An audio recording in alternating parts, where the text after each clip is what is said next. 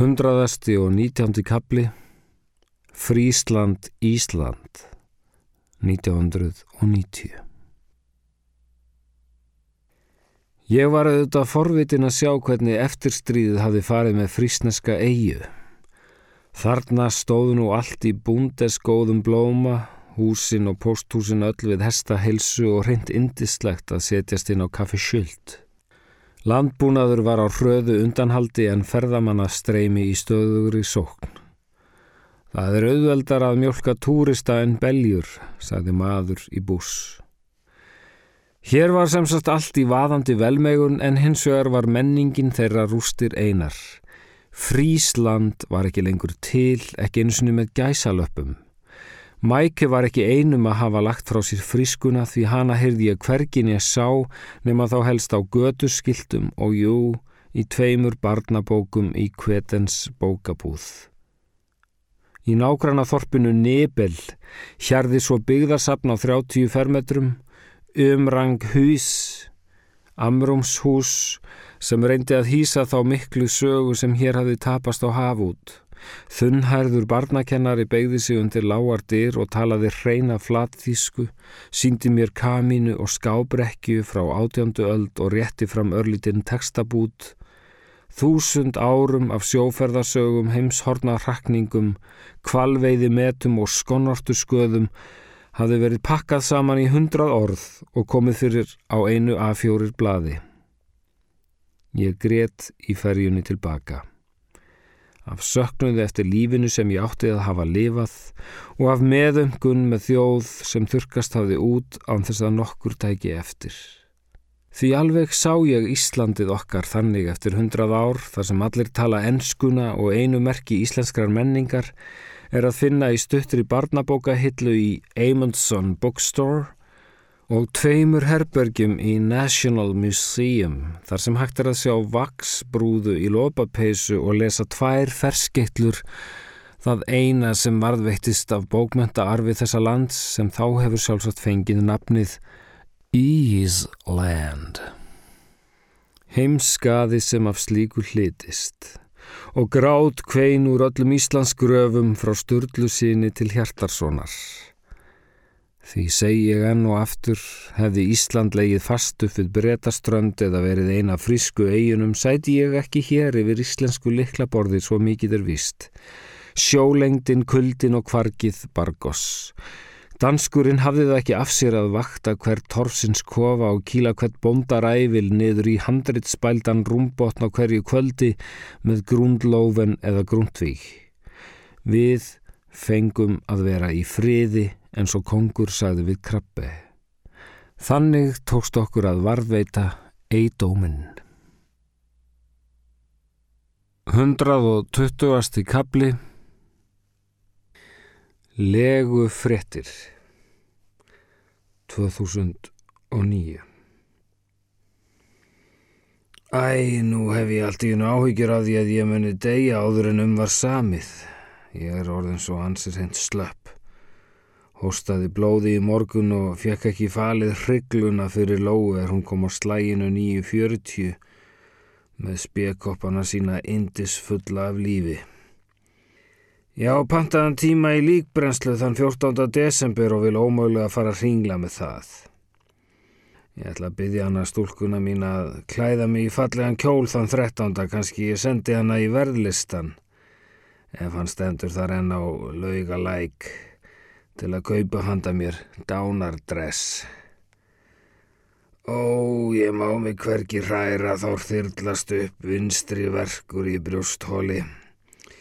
Nefn að það séu rifbeinin, ég hef þó ekki brotið eitt þeirra í hóstakasti morguns.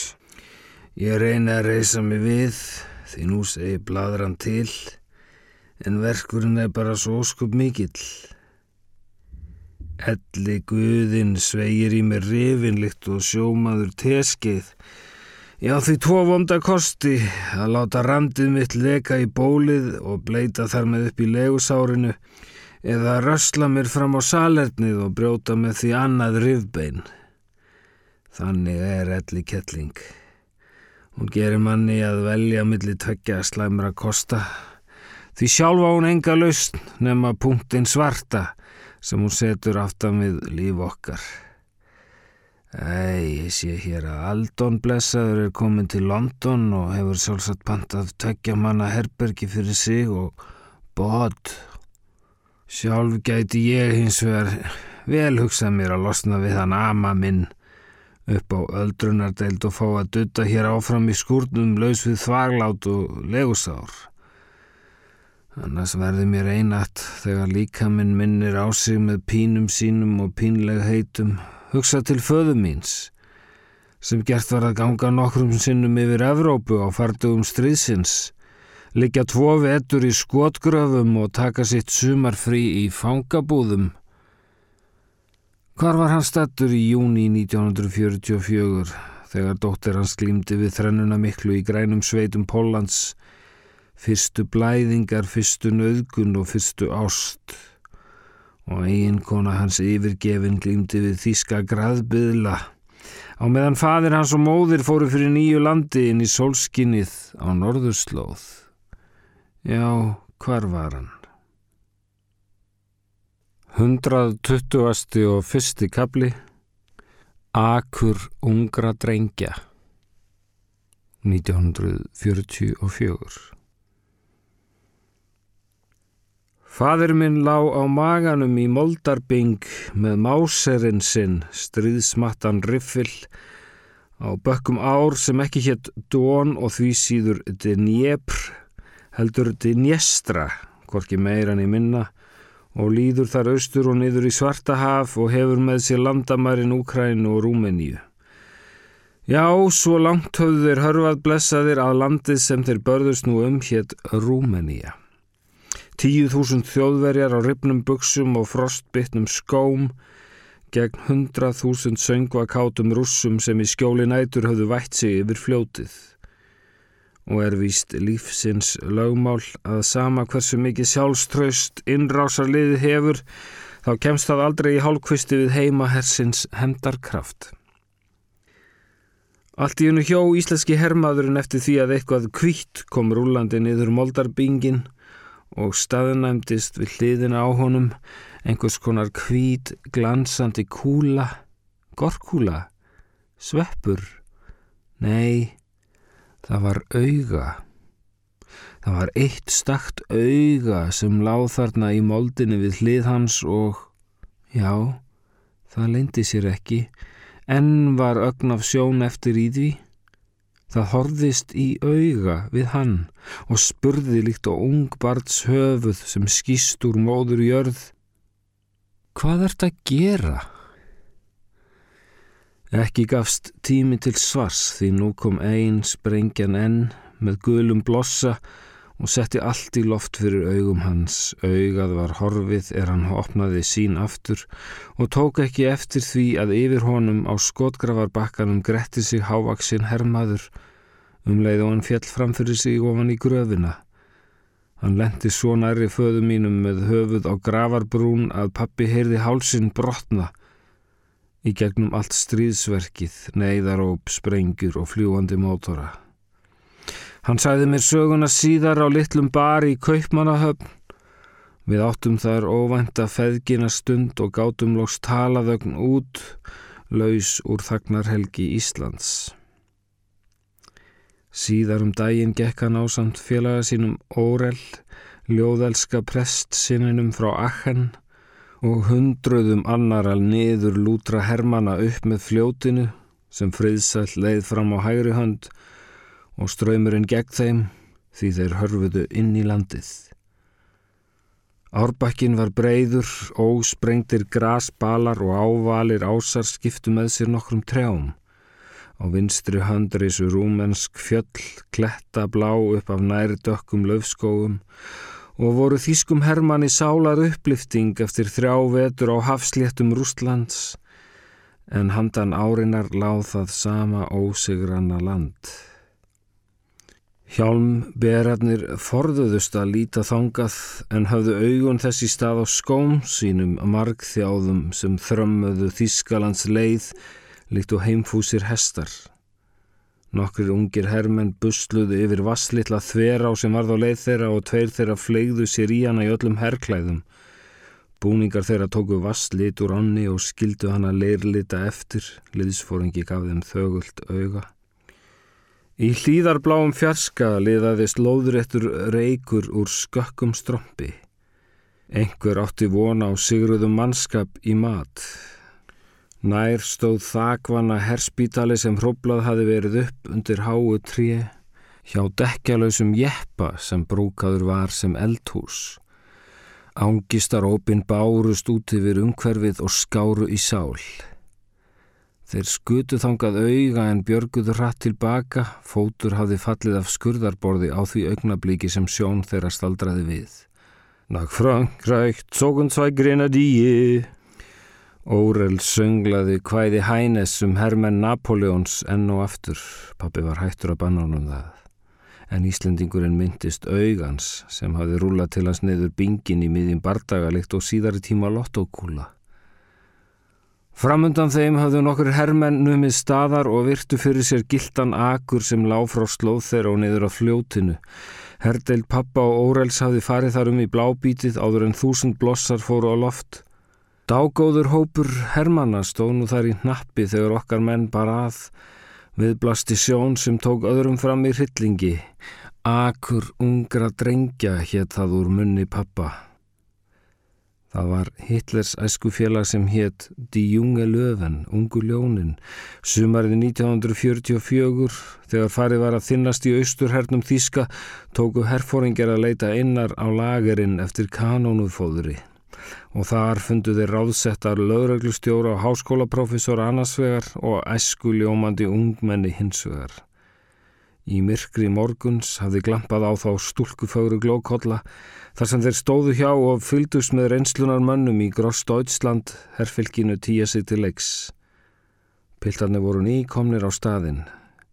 Líkastil hafðu þeir verið sóttir í rúm mæðra sinna í gerkvöldi og látnir sofa úr sér æskudraumana í gripalest yfir ungveraland í nótt. Og voru sem sagt mættir hér til styrjaldar, ferskir og fagrir og uppveðraðir af slíkri bjart síni að hún fekk gamla stríðshunda til að gelta. Rattir þeirra og augu beinlinis loguðu af glópsku. Þar sem ósopnir hermenn höfðu sér til leiðar gekk eitt ungljónið ljómandi myndalegu lísistrengur að félögum föður míns, þeim Kellermann og Linds. Þar sem þeir stóðu yfir riflum sínum og spurði þá upplitt stjarfur litt og gáfaður nefandi sem heitla vill kennara sinn. Hvernig er það? Halda rússarni mikið hópin í sínum stríðsaðgerðum? Linds var hörkutólið í herdeldinni, andlits tálkaður og snaregður en breyður á kassan og hafði upphandleiki sem enn voru sverir eftir þrjá rúsneska vetur. Hann var aðeins 25 ára, en gagvar þessum óvígða hitlis æskumanni var hann margra bardaga fadir. Linds leit á drengin með fyrirlitningu. Stríðsöðgerðum, þú verður skotin á þér hún er svo mikið sem að segja orðið. Af hverju? Akkur segir þér það? Og segðu þeim að skilja skólatöskurnar eftir hér, það þarf engin nesti með sér yfirum. Sagði Linds og átti við hjarðsveinana sem kvíldust á grundinni skamt frá, eins og hundrað grískir ástarguður með nesti frá munn hérn. Blés síðan í hlaupið og kíkti ofan í, líkt og óbóleikari fyrir konsert. Yfirum, förum við yfir ána? Linds leit á ljónið unga. Dánar á, já. Linds reyndist sansbár. Heimskur maður hafði sendt ungljónin í humátt á eftir hermönunum í morgunbítið eins og fadir minn og félagar hans tóku eftir hafði bardaginn óvend hafist að baki þeim. Einhver bjart sínis króin hafði byrjað að skjóta eins og bjáni. Í bítis rökkrinu hrópaði svo blossi til rússa skjótið hér og nú lágu þeir allir hér sjálfsagt um 200 talsins. Pappi hafði ekki fyrir síð orðið valur með svo berum augum. Ólingunum hafði ekki einungis tekist að stika 200 metra inn í stríðið áður en þeir fjallu á framandi jörð allir sem einn. Þeir hafðu verið hermenn í 15 mínútur. Lík þeirra lágu á dreifum akurinn og hafðu sum á sér handleikins næsta fótleik höfuð. Ekkert þeirra var ítla farið, sárugt eða limlest. Þvert á móti höfðu þessir piltar aldrei verið feguri og stafaði af þeim nákvítum ljóma í síðdegi sólinni. Á líkunum sem næst lágum átti sjá snirtileg skótsár en að öðru leiti ríkti tignarleg friðsemt yfir hópnum líkt og væri þetta magnað lokaatriði á útisýningu ballettsveina. Að lofa tæki loknu myndu þeir rýsa á fætur og neyja sig og einmitt af þeim fegurðar sökum var sjón þessi svo hryllileg. Svæði sem nam heilum austurvelli var þakið lífum ungra drengja. Tveir herrmenn gengu á milli líka og hyrtu af þeim hjálma og rifla. Pappi dró Órel frá sorgum stríðs og þeir eldu röð haldrandi hermanna eftir djúburistum slóða sem klaufdýr og hófdýr hafðu dundað sér við að tróða síðustu þúsund árin Ofar í hlýðinni stungu fram tiggjandi hausum, tvær rúmanskar geitur sem byðu spenntar eftir því hvort framtíð þeirra er þið rústnesk eða þýsk. Ég sé það í jarðsjáni hjá Google að þær standa þarna enn og tyggja sitt gras sem vex nú í mold sem mertir Moldavíu. 120. og annar kabli Kvennfólk og brennivín 1944 Þeir höldruðu út dægin og komu í þaksíið sveitaþorp að kvöldi. Það sá á hæla íbúunum þegar fyrstu hjálmar bröldu í hlað með gallandi málmhljóði, galtómum bitaboksum sem döngluðust við bissuskefti. Eftir stóð ósprengtur bær með hundrað skökkum húsum sem öll stóðu opinn og sjóðandi egg á sumum hellum. Upp á búin rúm og tefandi standklökkur. Félagarnir lögðu undir sig smáhísi í útjæðri þorpsins, litla stofu og eldhús sem fylltist óðar af svöngum og sigruðum karlmönnum. Pappi heldi upp á heilan kaffistamp og Órel fór með kvæðið um hinn ástar sigraða wenn dich ein Weib verraten hat.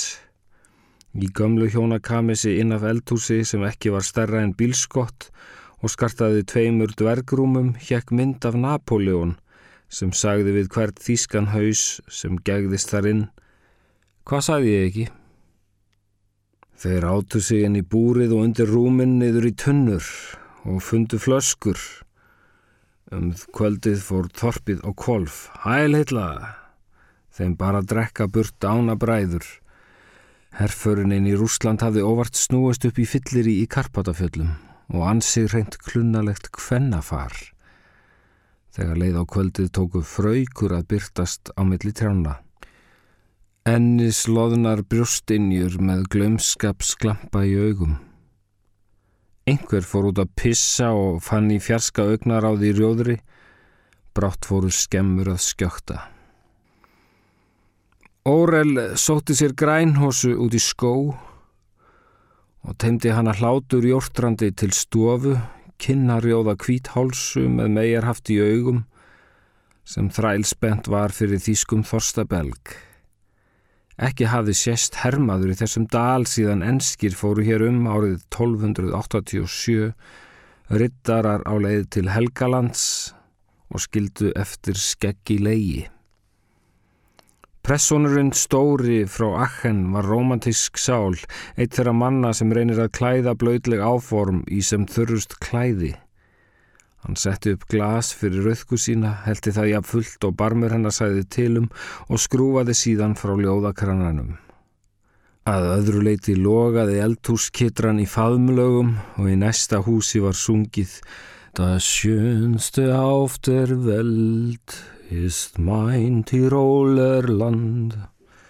Fadir minn stóð hjá í þessum leik en sá hvar ungur hermaður byrtist í eldhússkettinni með sér eldri konu.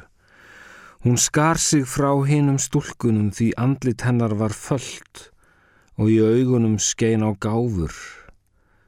Sjálfsagt var hún skrifstofumær í sveitafelum. Það var þungt í brúnunum og prófílinn svo fuggsllegur að svipur hennar var sem svipa í höfuð föður míns. Eitt augnablík fannst honum mamma vera komin.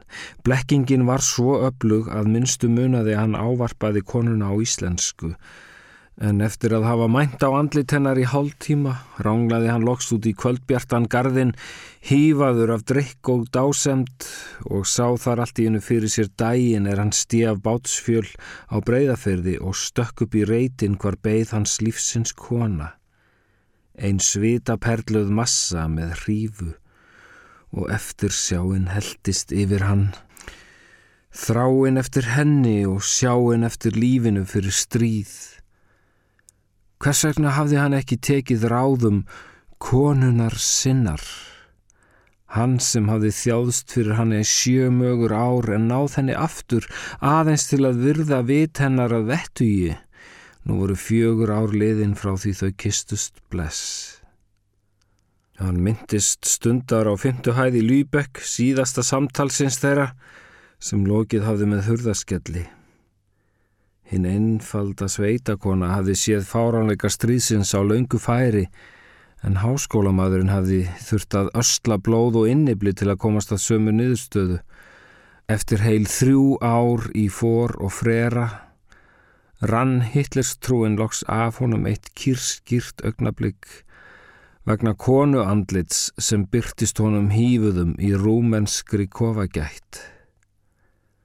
Já, Og svo tala með nýtla um hvern fólk og brennivín, saði pappi með brosandi hnussi og hristi síðan höfuðið á smarri knæpu í kaupmanahöfn, laungu eftir stríð. Og var víst vemmilögur í bláum augum. 120. og þriði kapli Stríð í fjarska 1944 En styrjaldir þurfa stuttan svepp. Áður en dögg var af degi var Ívan mættur að reyka flóttan, menn rönguðu við sér kvennsóðnir á vangan og góndu skelkaðir út í náttmyrkrið, brátt stóðu kúlur úr hlaupum. Hans! Hans! heyrðist hrópaði gegnum bissug nýjin, pappi þekkti rödd Órels, þar sem sá fyrirnemdi satt í skógi undir tré og taldi svefnæjar. Þorpið blasti við honum, skotriðin gekk yfir það líkt og hagliel og istu gablar loguðu skert í morgun rökkrinu. Hans! Hans! Var hann heigull, liðhlaupi, svikari eða bara Íslandingur? Hann hafði ráfað út úr þorpinu um miðnættið yfir læk og undir laufþög. Leittur áfram af svip móðurminnar hafði hann yfirgefið þetta samfara skip sem skjökti hér í skóarfaðmi og fundið sér tré til að halla sér að. Pappi heyrði Órel hrópa nokkru sinnum enn, án þess þó að hlaupa honum til bjargar eða samferðar inn í döðramannarlandið. En síðan heyrðist ekki í honum meir. Eirun sögðu föður mínum að nú væri félagi hans allur, Stríðið hafði þurkað út 6.000 línur eftir Heinrich Heine. Fáttur hættulegra Hermanni en að sjá stríð úr fjarska. Tilgangsleysið blasir við og hann fær ekki aftur til þess snúið. Fadur minn stóð stjarfur upp við trjástofn og virti fyrir sér hamagangin Íslendingur í skógi. Og það var þarna sem stríðinu laug fyrir honum og átti hann þó helmingin af því eftir Hans Henrik Björnsson dó ekki í stríðinu, heldur dó stríðið fyrir honum, þá og þarna. Ef í skóginum hefði fundist eitt lítill alþjóða flugvöllur, hefði hann laumað sér með næstu flugvil heim og afnætað Hitler yfir Öravæjökli, komið grátandi inn yfir þröskuldin á Bessastöðum og blásið til bladamannafundar í kjöldu móður sinnar. Þessi stað tók örlaga guðin hann upp á nakkadrampinu, líkt á kjöt smáan kettling, og rak hann ofan í þann erfiðasta vetur sem íslenskur maður hefur lifað, Grettir Ásmundarsson meðtalinn. Því nú gerðist dulítið skrítið.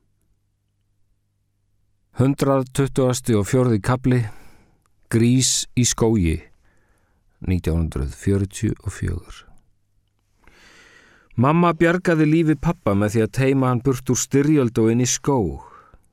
En hvað gerði þá lítill grís sem síðdegis kom nábleikur en eirnabrendur inn barnála gólfið og hristi stöðugt hausinn í þeirri von að losna við sárin.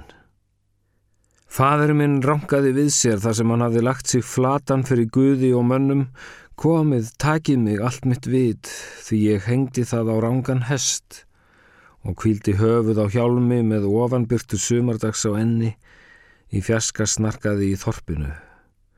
Einstaka skotkvellur barsti gegnum rústa söðið, stríðsvaktinni var að ljúka. Grísnum fylgdu rattir, næstu því hlæjandi rattir sem bergmáluðu í skóasalnum og síðan skot. Fadur minn reys upp við dogg, annað skot. Grísin lippaðist niður og lá eftir með kippum, Tungan kom út úr honum þykk og glansandi líkt og torræð skilabóð frá dauðanum til lífsins. Pappi fálmaði eftir másernum sínum, en rússarnir voru fyrir til. Skindilega stóðu þeir yfir grísnum, riflaðir hermenn og annar þeirra komu auga á þjóðverjan sem góndi áðálíkt og hann hefði aldrei séð karlmenn áður. Hinn íslenska æfi snar hendist leftur hratt aftur á bakk Allt til barnæsku við Reykjavíkur tjörn og allarleið þangað sótti fadur minn og viðbröð sín. Líkt og sex ára gammal drengur í Indjánaleg sumarið 1914 setti hann hendur á loft, ég gefst upp.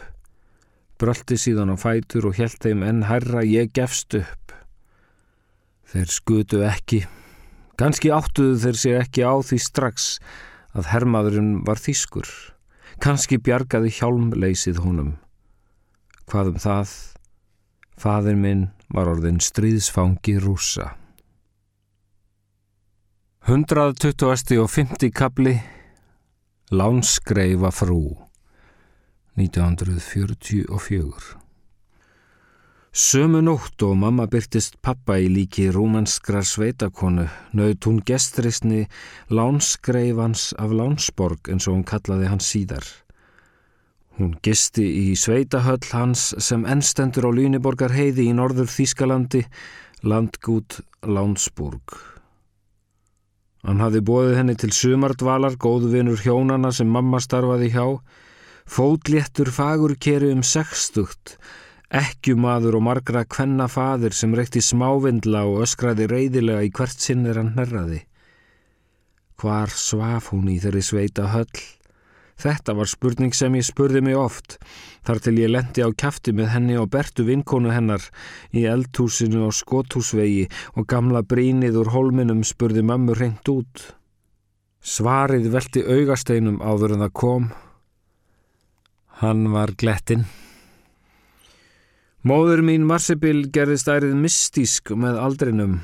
Eitt sinn var hún spurð hvort hún hefði ekki kroppað í Karlmann öll þau ár sem hún satt í sveikafestum á breyðafyrði og svaraði Ekki sér í allar eigjar um flóðið.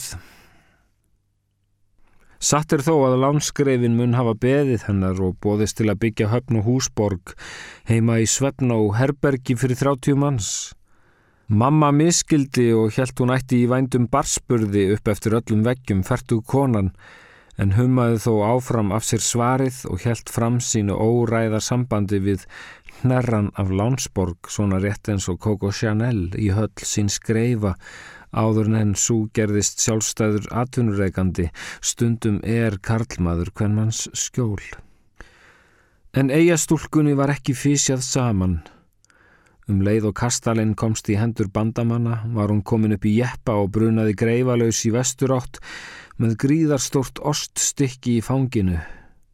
Hún komst með ævindralegum hætti yfir til Englands og þannig í bát til Íslands, var komin heim í april 1945 langt á undan öllum öðrum Íslendingum sem horfið höfðu innliksað í stríðinu. Síðar reyndu að minnstakosti tveir menn að fá þessa konu til að skrá æfisugu sína og breyta eigastúlkan sem hryggbröð skaldið og giftist inn í tvær höfuðarættir landsins, misti eina barnið sitt í stríðsins fang, var um tímatalinn greifinja og endaði sem eina fínustu frúnum í Reykjavík með töfalt ættarnafn. Amma hefði verið stolt, hefði hún ekki verið amma. Já, já, við getum nú alltaf átt vonað því konur við breyðafjörð að missa barni hreyður sagði hún spurðum höfðingi ástir dóttur sinnar. Nokkrum sinnum hafði það gerst á liðnum öldum að Örn hafði kift með sér kvítvoðungi af bæjarhól í byggðunum við breyðafjörð. Amma kom aldrei suður og þar á leiðandi aldrei á heimili dóttur sinnar í Reykjavík. Hún hitti því koru að tengdafóreldra hennar. Jáfnvel ekki þegar Afi var orðin fórseti og kom í ofinberra heimsókn út í flatei lust eftir stríð. Ég kann ekki að heilsa landfólki